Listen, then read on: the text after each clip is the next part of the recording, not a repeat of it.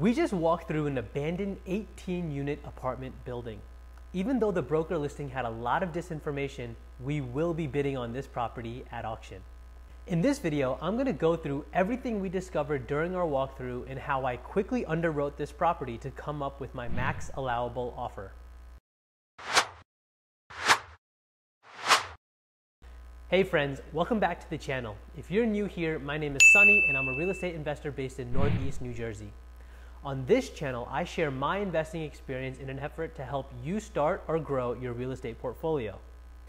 Today, I want to bring you behind the scenes of my very first time bidding on a property in an online auction.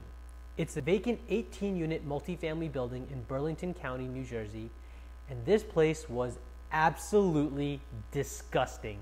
There was black mold along all the walls everywhere you looked.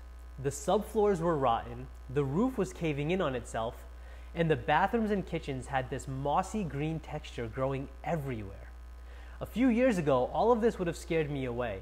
Now all I see are dollar signs. During our site tour, the broker told us he showed this property over 30 times in the past 60 days, but only three people have signed up for the auction. This asset is not for the faint of heart. Let's dive in. I want to talk a little bit about the importance of going to see this property.